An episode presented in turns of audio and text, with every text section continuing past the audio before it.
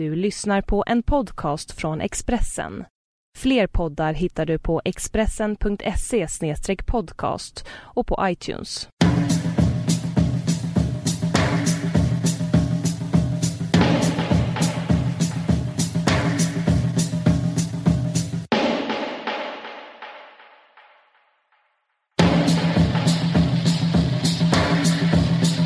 Är den på där?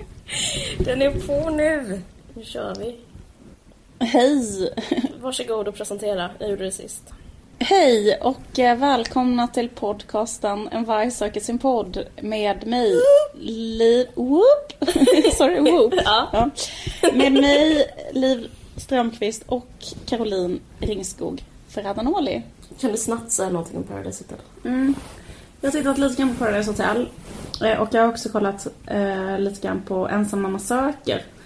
Det var så väldigt intressant för mig för att eh, vi pratade innan om att du träffar väldigt mycket, du träffar väldigt lite av verklighetens folk. Mm. För att du, eh, eller att det var kul för dig när du gick på körskola att du träffade, för första gången träffade någon som inte hade en podd. Mm, det är kul. Ehm, men jag kan känna också att jag träffar ganska mycket så här, eh, samma slags människor. Och när jag tittar på, ehm, eh, på både Ensam mamma söker och Förlåt, vilka sorts människor? Poddare eller icke poddare? Alltså, du träffar verkligen som folk? Nej, jag träffar inte direkt verklighetens Nej, folk okej, heller. Utan jag träffar, liksom, jag träffar inte poddar, jag träffar liksom en annan kategori.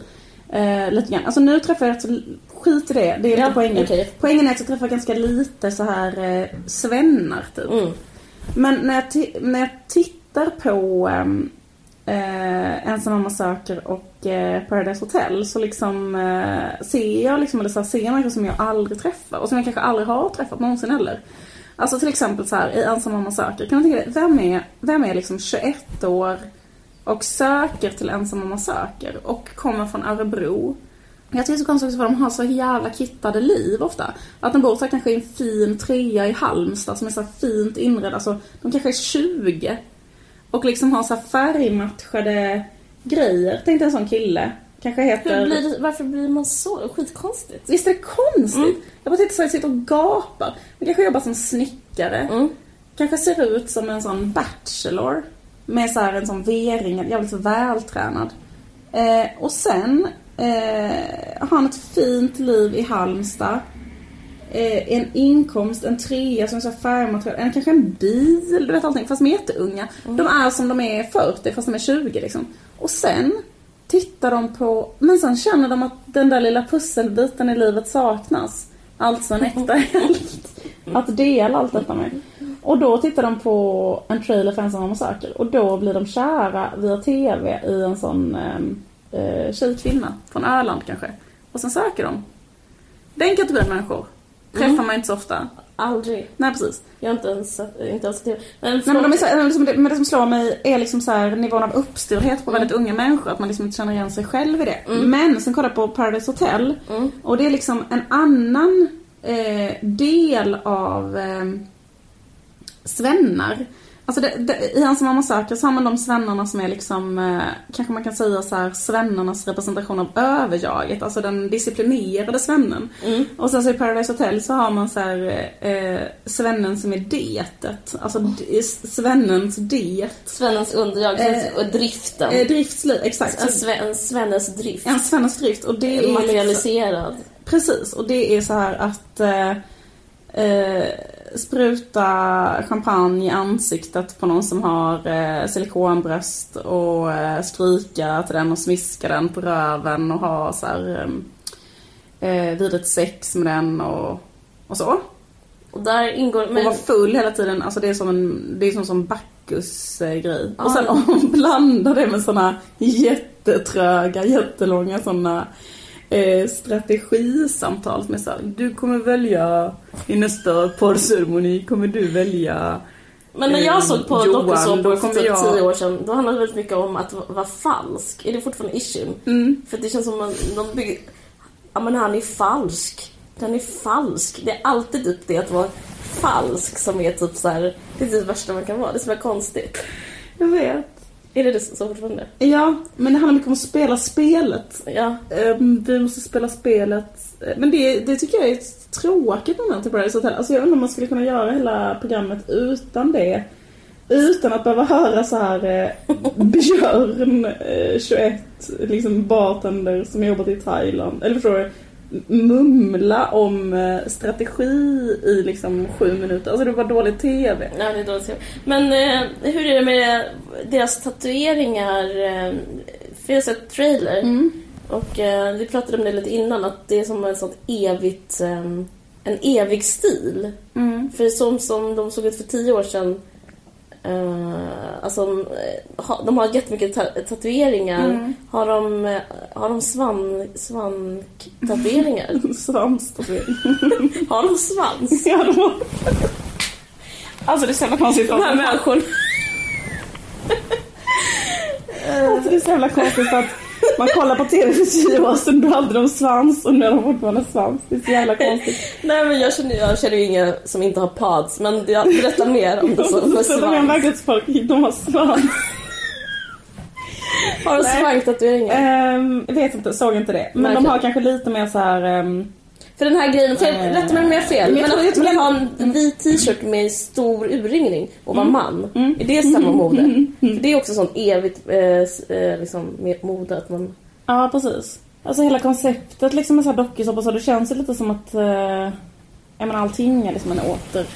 Att man återanvänder något som var på 90-talet liksom. Mm. Eh, och även deltagarna ser ut så. Nej men det var det som jag kan fundera över då när jag såg, eh, såg på liksom först Ensam mamma söker och sen Paradise Hotel. Det är liksom så här, varför är de så uppstyrda? Alltså varför är de så präktiga svennar? Och vill försöka ha en kärnfamilj. Alltså när, de, när möjligheten finns för dem att leva ett sånt, eh, i ett sånt Bacchus-tåg som eh, med det menar jag att vara reseledare och Mm. eh, ta jättemycket kokain. Typ. Alltså varför gör de inte det? Mm. Är inte svaret väldigt liksom, är inte så, det är inte så svårt att förstå, jag tror så här, det är så svårt att förstå för svaret är så enkelt. Är det inte bara för att normen ser ut så? Punkt. Man ska vara ihop med någon och bo i en lägenhet och ha typ en platt-tv och en sån mysig soffa. Man, Jag känner ju nu för tiden att eh, jag kanske inte behöver gå ut varje fredag utan man kan sitta hemma i soffan och mysa med ett glas vitt vin till exempel. Eh, direkt citat från en 20-årig kille. Som var med det på, alltså, ja, men det är så otroligt konstigt. Och så, men du är 20! Du ska inte liksom dricka ett glas vitt vin med en småbarnsmamma. Det är förryckt.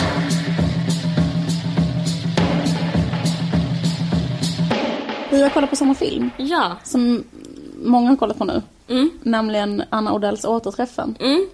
Jag blev så himla, jag fick så stora känslor att jag kände så här. Eh, jag blev så jävla glad för svenskt liksom konstliv typ jag. Jag blev så jävla, typ kände mig så här, fan vad gött att vi liksom har så stor konstnär i Sverige. Vad skönt. Eller typ sådana känslor fick jag. Känner du dig stolt? Ja, jag känner mig stolt. Mm, typ för det är jag eh, också. ja. jag känner mig jag blev såhär, så här, jag eh, vill high-fivea henne. Jag bara, fy fan vad gött. Ja, jag känner mig liksom stolt för hela så här film-Sverige och konst-Sverige och allting. Jag bara, fan vilken stor eh, artist vi har. Vad underbart. Mm. Jag känner som, som när Sverige vann, eh, vi, alltså om Ja. Sverige skulle vinna en match, så kände jag mig när jag såg den. Typ så här, fy fan vad bra liksom. Ja. Vad bra gjort. Vad spännande. Vi har inte pratat om den, men så kände jag också. Jag kände...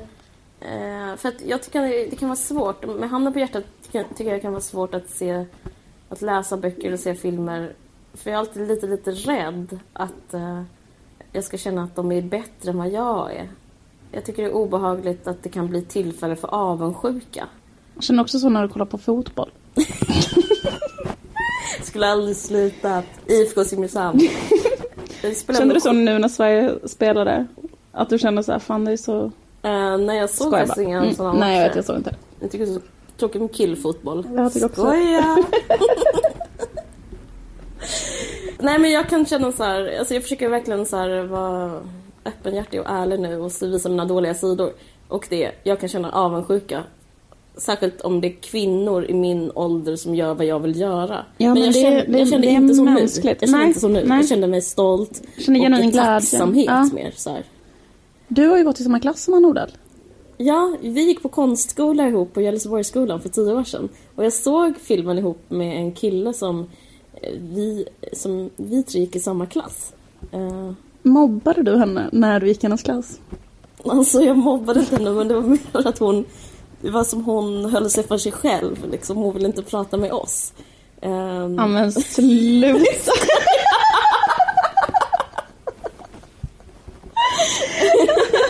Det var mer hon som inte ville vara med. det, var, det var mer hennes val. Att, för om hon hade velat vara med hade ju hon kunnat säga hej till exempel. Nej, skämt åsido. Det. Mm. Jag gick i samma klass som henne. Vi gick på Gällesborgsskolan ihop. Eh, Det var en helt sinnessjuk konstskola. Det var jättekul att gå där. Men, eh, och hon gjorde bara kretskortskonst. Och jag, det här är faktiskt rätt så intressant. Jag tyckte hon gjorde Hon var en av dem som jag dömde i smyg. Jag bara, det kommer nog inte gå så bra för henne. Alltså tänk, man tänker Vad- så här. menar Utveckla kretskortskonst? Det finns en viss typ av klichéartad konst som har konnotationer med Berlin, typ. Och det är så här att Mm. Får jag påminna dig om att-. Får jag påminna dig om att du sökte in till den skolan med Barbie-dockor som låg i vatten eller något sånt där? Älskling, det gjorde jag inte alls. Det, det, jag gjorde det när jag var 17. Okej, förlåt. Var, Jag bara tänkte att nu när, du skulle, nu när du skulle kränka andra människors ungdomskonst så kunde väl jag, då kunde väl du få bjuda på det här? ja, men den, nej men du pratar om en utställning. Okej, men nu Ja, skit i det. Men hennes kretskort. Ja. Får jag bara påminna dig om att du gjorde dockor i burkar. Ja. Skitsamma. Ja. Hon gjorde kretskortskonst, vilket är att man tar typ så här eh, begravningsplatsen för datorer. Eh, typ det kanske finns ett soprum där de bara har så teknik eh, som Precis ingen... innan de ska skicka det till Kenya. Exakt. Till en sån eh, Då tog hon dem... läckande soptipp. Eh, precis, då tog hon de då tangentborden och typ så här dekonstruerade dem och sen så klistrade de på ett uttrycksfullt sätt på någon slags eh, eh, planka liksom. Mm. Och då tänkte jag kretskortkonst tänkte jag. eh, Really? Alltså är det det som... Ah, ja, okej. Jag antog att det var någon slags kommentar till samtiden, att allting går så snabbt. Alltså det är lite som när vissa säger så här Jo, Stockholm, det är så...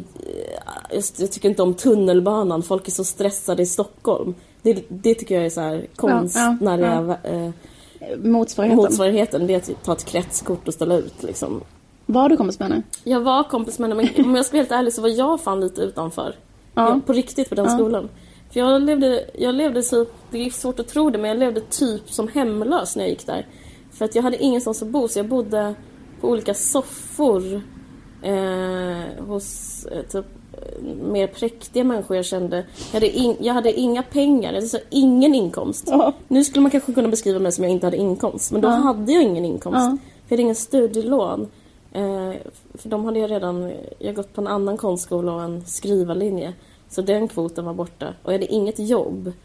Eh, så jag försökte få pengar genom att samtidigt plugga litteraturvetenskap på halvtid. Så jag hade typ tre och fem i månaden. Och så fick jag på nåder bo i Aspudden på en tältsäng hos, hos en kursare. Eh, och jag var så väldigt stressad hela tiden och kunde liksom inte kunna... Jag kom- inte till ro med min egen konst, i konst på grund av hur eh, stressad livssituation jag hade. Och jag, kunde, jag kände mig så onormal för alla verkade typ komma från eh, kärnfamiljer, från Villa Enskede och hon, det var många som hade typ en etta på Söder. Det är ju så på konstskolor att det är väldigt... Eh, folk är rätt så lika och kommer från rätt så, så här, bra förhållanden. Det är väldigt så här, lite eh, fattiga människor. Nu kommer jag från väldigt så här, mina föräldrar är ju svinakademiska men eh, jag De var fick, skilda. de var skilda och jag fick inga pengar hemifrån och typ, skitsamma. Eh, men det finns typ inga invandrare till exempel. Men det fanns en invandrare och det, han umgicks jag med och han hette Ariano. Och han jobbade som vaktmästare.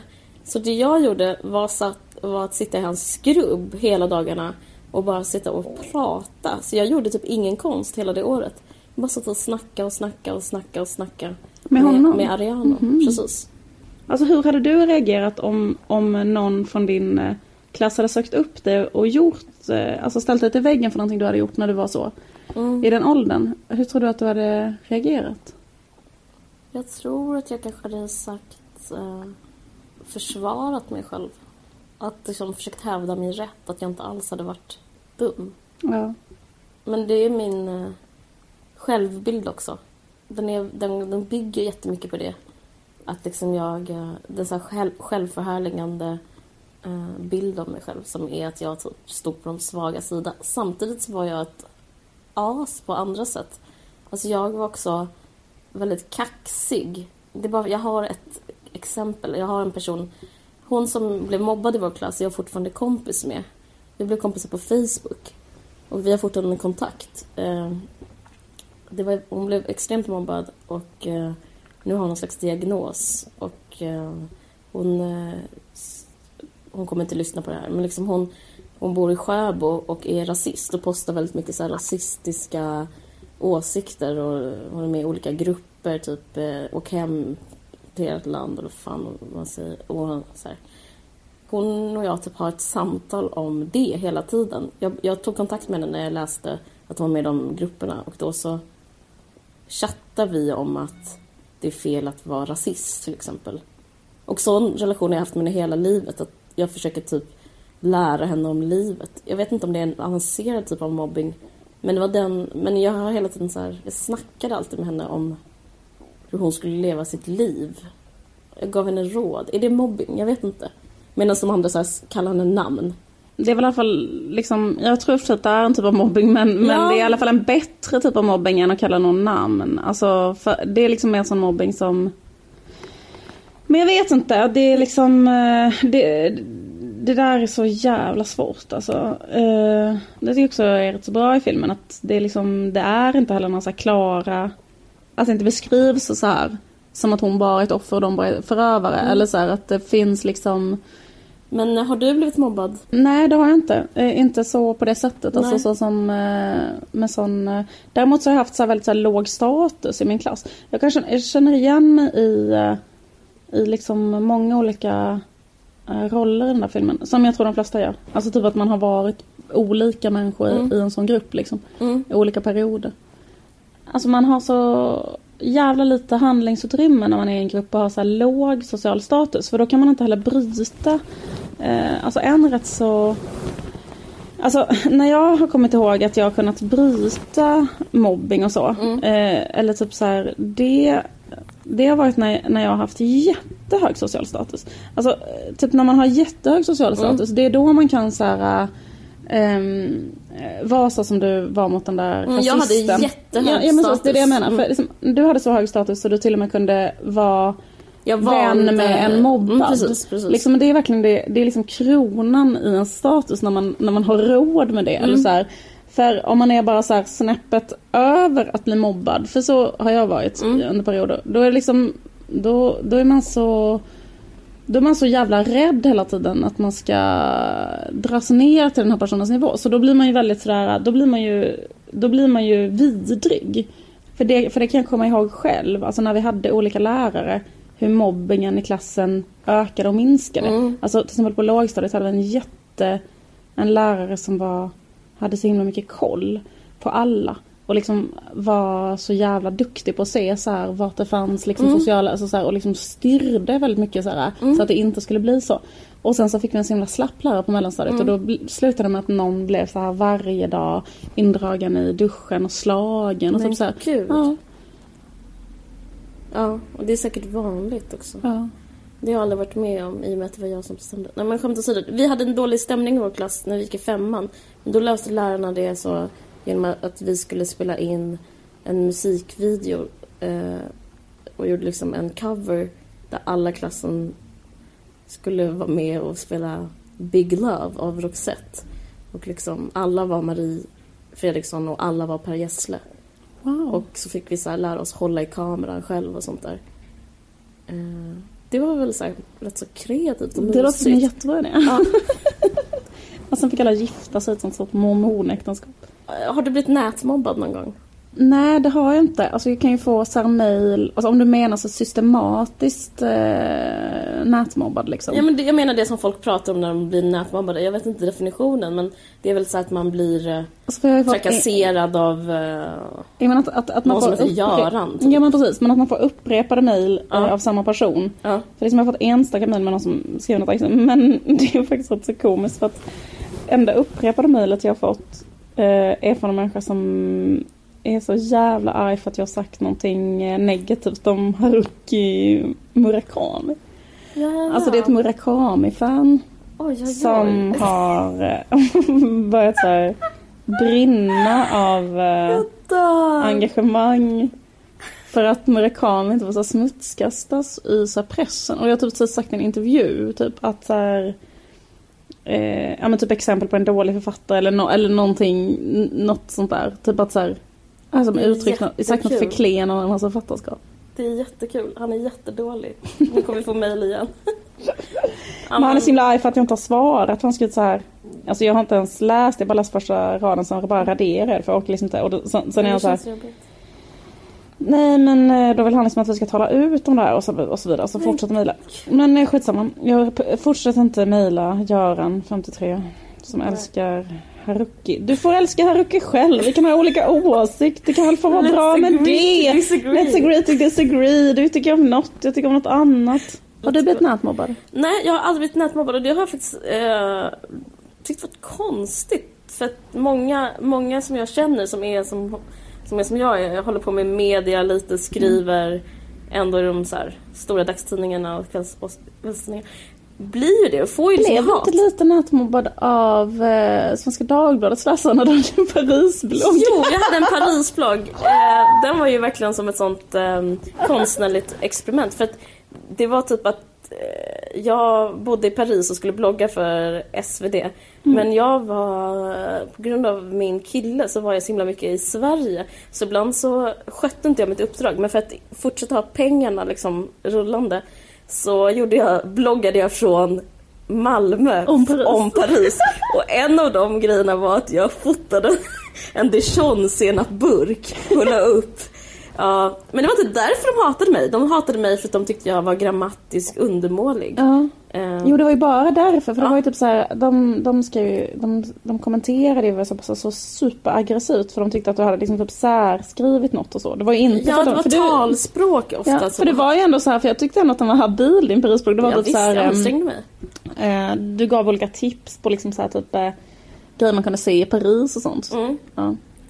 Eh, precis. Men då var de så här inte nöjda med det. Nej, men de gillade inte min punkiga skrivstil. Nej det var det. Det var det. De var så ko- väldigt konservativa i hur man ska få uttrycka sig i skrift. men Det tycker jag var speciellt också för alla mejl var eh, och alla kommentarer var undertecknade med typ, ja men så här 40-talist svenskt namn och så här Danderyd, Ja. eh, Djursholm, Mm. Lidingö.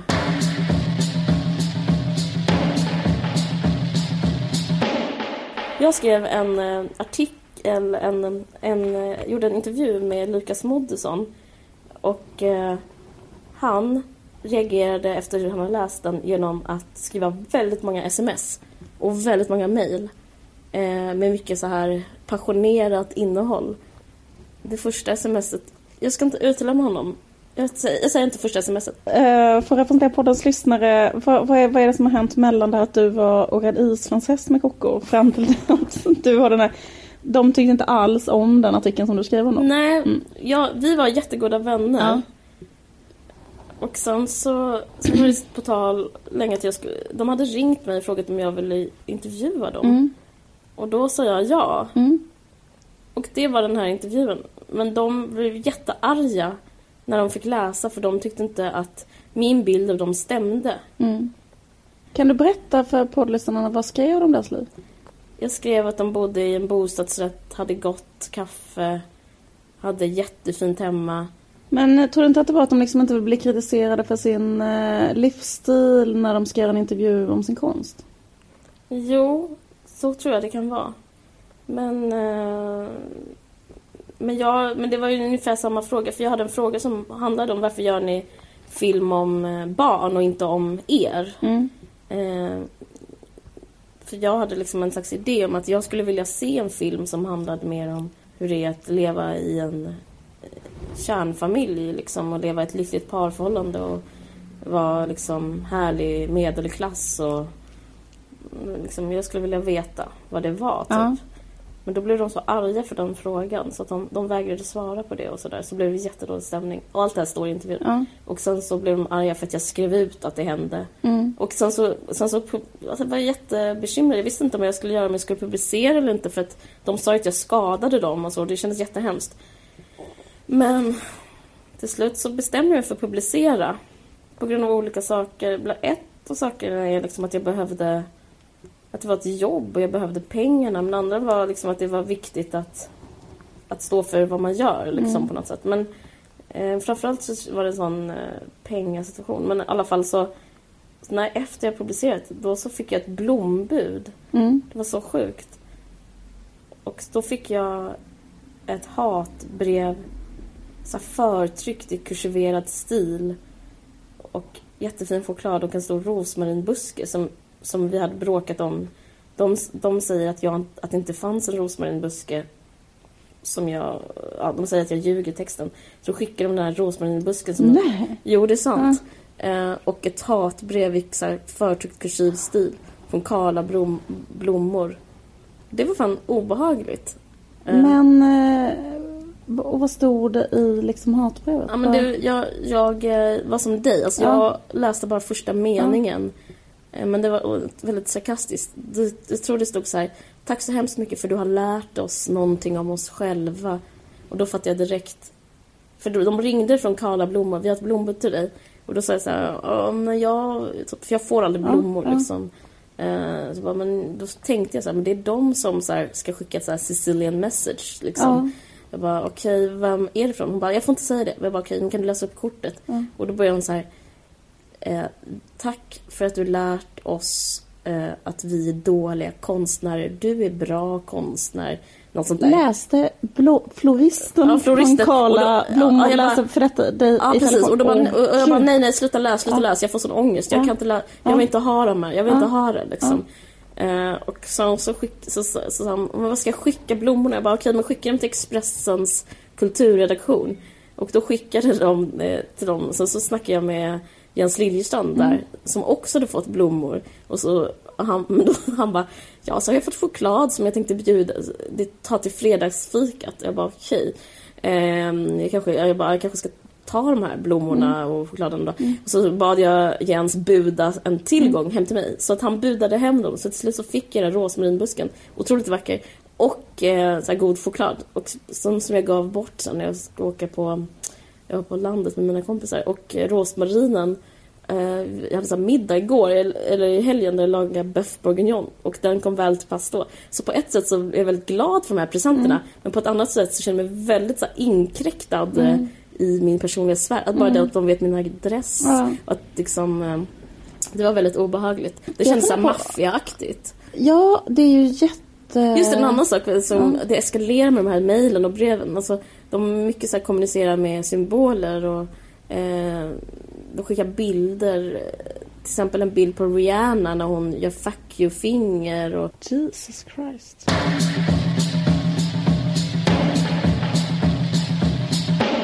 det finns en poäng att eh, skriva granskande om kultur. För jag tänkte jättemycket, varför gjorde jag det här? Varför la jag inte bara ner? För det var jobb, riktigt jobbigt.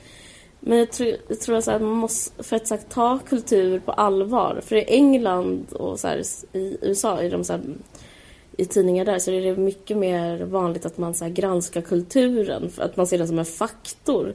Men det finns faktiskt inte så mycket i Sverige. Det finns rätt så, vad ska man säga, det är bara något mysigt kultur som, som, som inte någon känner sig hotad av. Det är kanske därför Anna Odells konstprojekt var så jävla bra. För att, för att det, är liksom, det blir så här relevant. Det är, så, det är inte mysigt. Det är så här, och kultur och konst kan ha den... Alltså i min, i den bästa världar så, så är ju en konst en maktfaktor tycker jag. Så vill jag att det ska vara liksom. Eh, Men då kan, måste också journalister typ se det inte behandla det som någonting som ett litet barn gör, ett barns lilla teckning. Nu, det är ju jätte så här, eh, rädd stämning. Jag tror det är för att man är så utsatt som frilansjournalist och man är själv konstnär eller författare så kan man inte säga något taskigt om sin kollega och man vill inte stöta sig med någon. Och det är ju väldigt så här, korrupt stämning kring kultur. Jag var jätterädd att jag aldrig mer skulle få ett jobb efter jag hade publicerat här. Jag ville ju liksom vara regissera film och sådär. Och jag tänkte, men nu om någon läser det som håller på Lukas, då kommer ju inte de ge mig jobb liksom. Ska du göra någonting med det? Att de, eller som att de, har du liksom typ funderat på liksom att anmäla Mm, jag har funderat lite på att göra en scrapbook med deras olika mejl och sms och bilder och sådär. Och jag har också tagit bild på rosmarinen och hatbrevet. Det här är rätt så intressant för det påminner på, på ett sätt så återknyter det till den här uh, diskussionen om makt eller maktlöshet eller så för att de måste ju göra så här. Det som jag tycker är konstigt det som jag tycker är konstigt med den här grejen att skicka en massa sms och, och liksom en, en, ett blomsterbud med ett hatbrev och så. Det är varför han inte använder sin makt. Alltså varför han inte i så fall skriver det offentligt någonstans. Eller typ skriver, skriver en mot eh, debattartikel eller något sånt där. Alltså det verkar så märkligt att liksom ge sig på dig så här, i ditt privatliv, i ditt hem. Alltså det är det som jag tycker är det märkliga. Men jag måste säga en sak som faktiskt, att jag älskar hans filmer. Ja. Det är som inte det det handlar om. Jag tycker, hans, jag tycker jättemycket om hans filmer och hans böcker. Jag minns när du och jag lärde känna varandra så Mm. var inte hans dikter en faktor. Jo, verkligen. Vi älskade ju den. Kött. Exakt. Alltså den boken älskar jag på ett sätt jag rekommenderar alla att som... Läsa ja, dem. precis. Kokoserier är ju liksom helt fantastiska. Hon är verkligen så här, en av Sveriges bästa serier. Hon är, de är helt ja, fantastiska. Helt fantastiska.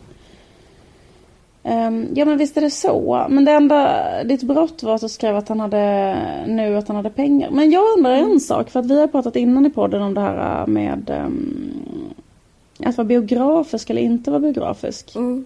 Och att när vi pratade om Håkan Hellström till exempel så pratade du så här bara, ja, men det kan inte vara ett krav att man ska vara biografisk när man är Mm. konstnär och bla bla. Precis. Men hur ser du på det liksom i relation till din artikel? För där är det också att du på något vis eh, vill att de ska ha med sin egen liksom, biografi i, sitt Mm. eh, skapande.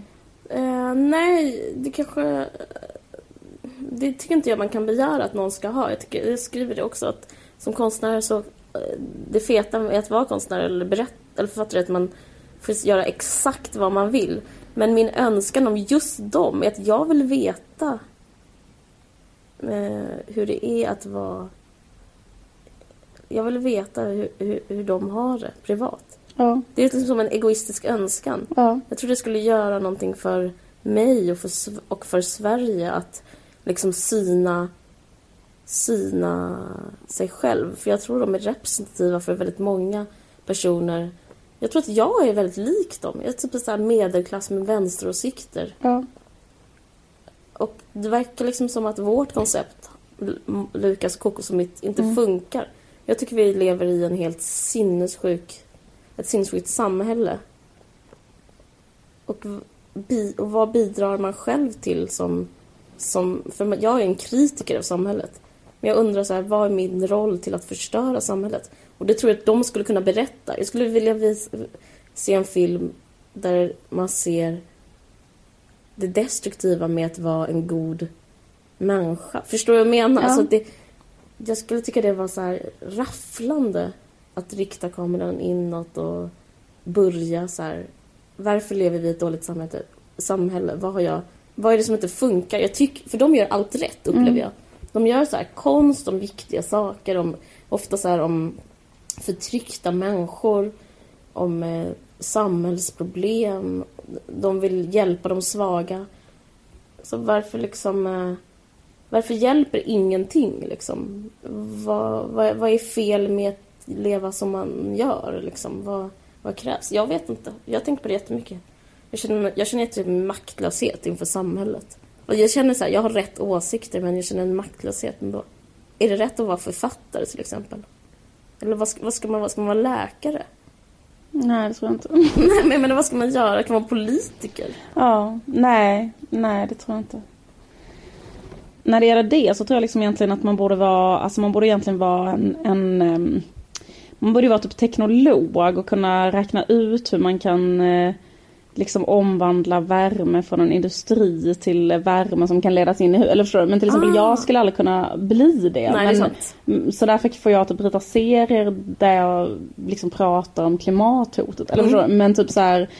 Eh, men egentligen så, så, tror jag att något sånt, alltså alla får ju göra det som de kan. Mm. Eller så här, inom det, för jag menar jag till exempel skulle inte heller kunna bli så läkare. Nej. Eller jag menar jag skulle kunna bli men jag skulle inte vara så bra. så bohemisk kirurg.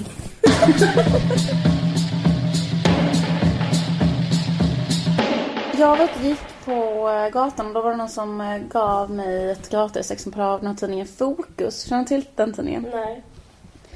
I alla fall. Och då var det för... Um, tydligen så... Eller det här känner jag faktiskt till att de gör varje år en lista över Sveriges 100 mäktigaste människor. Mm. Och det här är så här eh, sjunde året i rad som de gör det.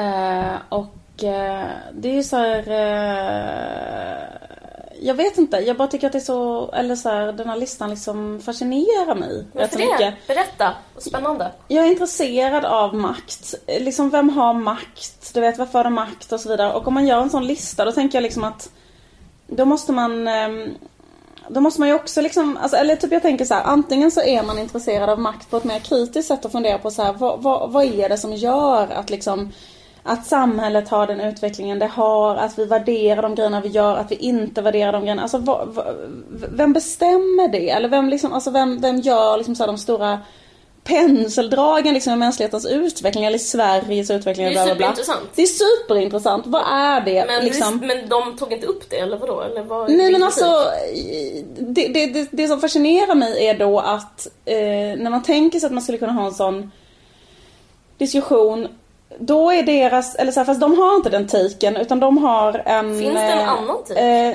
ja, alltså de har bara den helt liksom formella tiken, alltså så här, vem har mest makt i Sverige? Alltså på pappret. På Alltså typ så här. Ja men typ om jag skulle, alltså om jag skulle, eh, liksom om en mellanstadieelev skulle göra ett skolarbete. Ja. Och, och, eller till och med lågstadieelev kanske skulle göra skolarbete. Eller och då kanske skulle någon få- som går på förskolan. Precis, skulle göra ett skolarbete. Då skulle man fråga den så här, vem har mest makt i Sverige idag? Vem tror du de skulle svara då? Ja, men jag tänker på din son, han kan ju Obamas, han kan ju skriva Obamas namn ja, precis.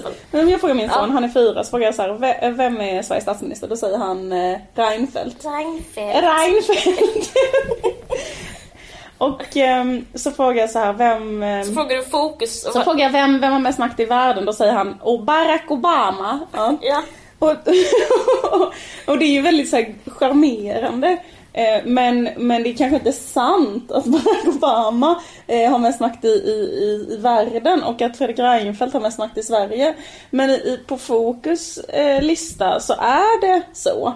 Att, eh, eh, nu kommer Fredrik Reinfeldt på andra plats men etta är då självklart Anders Borg som man ändå kan tänka sig eh, är då när man kanske man gör, tänker sig när man går på mellanstadiet, man tänker sig det är Borg, det är Reinfeldt. Eh, trea är då självklart Stefan Löfven för att han är liksom trea på det tredje största partiet. Fyra. Eh, eh, sen har vi då eh, någon representant för LO, någon representant för Svenskt Näringsliv och sen har vi Jimmy Åkesson för hans parti är ju tredje största, eh, lite beroende på opinionsmätningen men ungefär. Oh. Eh, och sen så, så att, eh, ja precis, men så, så att istället för att eh, läsa den här ut, uträkningen av fokus så hade man liksom bara kunnat gå in och liksom googla på så här, eh, regeringens hemsida och titta på de staplarna. Alltså det är konstigt tycker jag liksom att säga att man gör en lista och sen är det bara den listan som Men eh, hur, eh, berätta, hur skulle du vilja att det skulle vara? Jag tänker väl liksom så här att individer kanske inte har makt på det sättet. ut- Utan det kanske är mer så här eh, språket typ. Eller fattar du vad jag menar? Eller förstår du? Eller typ så Ja. här, eller, eller till exempel när det gäller Sverige så kanske idén om tillväxt kanske skulle vara etta. Eller vad har mest makt i Sverige idag? Idén om att vi måste ha en ständigt ökad tillväxt kanske är, är, är, är liksom, eller idén eller, eller, eller språket eller talet kring det eller, eller något sånt där.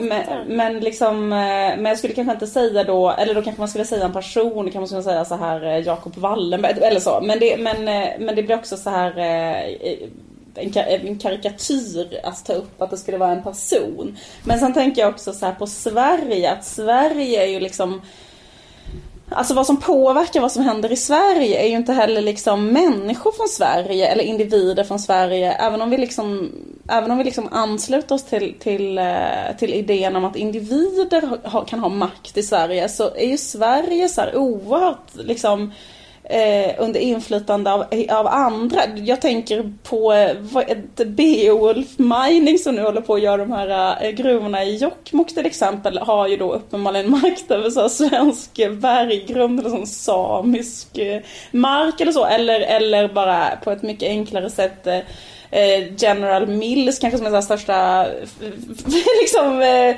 mat eh, företag som finns som, som, kommer, som har sin bas i Kina och hur mat transporteras och får, alltså, i det oändliga eller eh, bank eller internationella kapitalet eller du vet eh, och så vidare. Eh, så det är liksom så här, eller så här, det, det är ju det eh, tänker jag som liksom styr eller påverkar. Tänker, eh, tänker du har ju rätt. Ja, eller liksom så här, det Eller bara en sån sak som EU eller så här, varför, nu kunde man ju inte förbjuda, man har ju försökt göra sådana eh, projekt så här, på vissa, i vissa kommuner i Sverige, bland annat faktiskt här i Malmö. Att man, att man eh, vill förbjuda att folk ska kunna ta sina vinster till skatteparadis. Mm. Och då kan man inte förbjuda det på kommunnivå tydligen för att i EU finns det ett sånt direktiv som gör att det är inte förbjudet. Okay. Så därför så, liksom, alltså, skitsamma. Men det är liksom, jätteintressant. Ja men liksom att, vår, att våra skattepengar måste vara på Cayman Islands. Alltså man ja. undrar såhär, varför är de det? Ja. Men, liksom, men, eh, och vem har bestämt det? Nej men det bara är så. Ja. Det bara är så. Och då undrar man ju såhär, är det, är det Jonas Hassan Khemiri som bestämt det när de har bestämt? Kolla vilken han är på listan så ja, ja, Han är på listan, han är på listan, han är på nummer. Han är, han är högre upp än um, Jonas Asakemiri är på plats nummer 95 på listan. Precis ovanför eh, en reporter på SVT. Nej men jag tänker på en sån här sak. Till exempel Lena Ek. Vår miljöminister för Centern. Hon är på plats 76 på listan över Sveriges mäktigaste människor. Hon har gått ner från förra året. Var hon på plats 48. Men då kan man fundera på så här. Om man funderar på miljön, klimatet. Det har varit en jättestor klimatkonferens. Mm. Jag skulle säga att Lena Eks skulle vara med på en lista över vilka som, människor som har minst makt eh, på hela planeten. Eller förstår du vad jag menar? Alltså mot bakgrund av vad hon säger att hon vill göra och vad som uppenbarligen är möjligt att göra när man bedriver klimatpolitik. Och varför går det inte att driva en progressiv eh, klimatpolitik? Eh, liksom det är det som det är det som är märkligt. Alltså vad är det för makt som gör att inte det går? Ja, och vad är den, vad, och vad är, är den på listan? Är de med på listan, den makten? Alltså, rätta mig om jag har fel, men var inte du med på den här listan? Um, jo.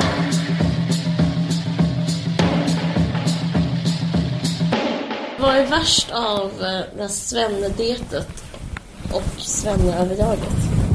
Um, Alltså hugget som stucket. För jag tänker på... Eller typ innan lät det som att jag menade så att eh, åh, det skulle vara mycket bättre för den där eh, snickaren i Halmstad om han inte åt tacos utan att han var eh, på ett sånt backuståg i Thailand istället. Men det är inte alls säkert att det är bättre. Nej. Jag tror det är lika fruktansvärt båda delarna. Vem identifierar du dig med? Nu lever jag ju mer som... Eh, alltså jag är ju en, eh, en ensam mamma som söker, höll på att säga. Därför tittar jag på det identifierar mig. Skojar bara. Obs, skämt. Men, um, ja precis. Men jag nu börjat sitta och identifiera mig med, med tjejer som ställer sådana här frågor på andra dejter. Så eh, kan du tänka dig att flytta till Örebro och bli en familjefar på heltid till mina barn? Kan du tänka dig det? Så de svarade... Gud, jag måste se det här programmet. Vad svarar de då? Eh, ja, alltså det är klart att jag har vänner, familj, jobb, fritidsintressen här. Men möter man den stora kärleken då är det klart att man kan flytta så till Trollhättan och ge upp allt. Vilka romantiker. Mm. Tack så hemskt mycket för att ni har lyssnat. Ja, tack för att ni lyssnade. En sak, just det. Jag vill hälsa en sak och det var mm. att du sa i förra podden så här, ja det måste vara jobbigt att vara en poddlyssnare för att det blir som att man skapar en relation, bla bla. Då har jag hört lyssnare som blivit ledsna med det. Va? För de kände sig så här påhoppade typ, som att så här... Okej, förlåt. Ja, exakt. Vi ber om ursäkt för det. Alltså verkligen, jag är jätte, jätte, jätteglad att eh, någon orkar lyssna ens ikväll. är det sant? Gud vad hemskt. Eh, Vi är jätteglada att ni lyssnar. Genuint ja, glada. Ja. Puss och kram, tack för allt. Hej. Eh, ni har lyssnat på En varg söker sin podd. Det är ett samarbete med Expressen Kultur. Ni kan lyssna på iTunes. Musiken början gjordes av Vitpäls. Du har lyssnat på en podcast från Expressen. Ansvarig utgivare är Thomas Mattsson. Fler poddar hittar du på expressen.se podcast och på iTunes.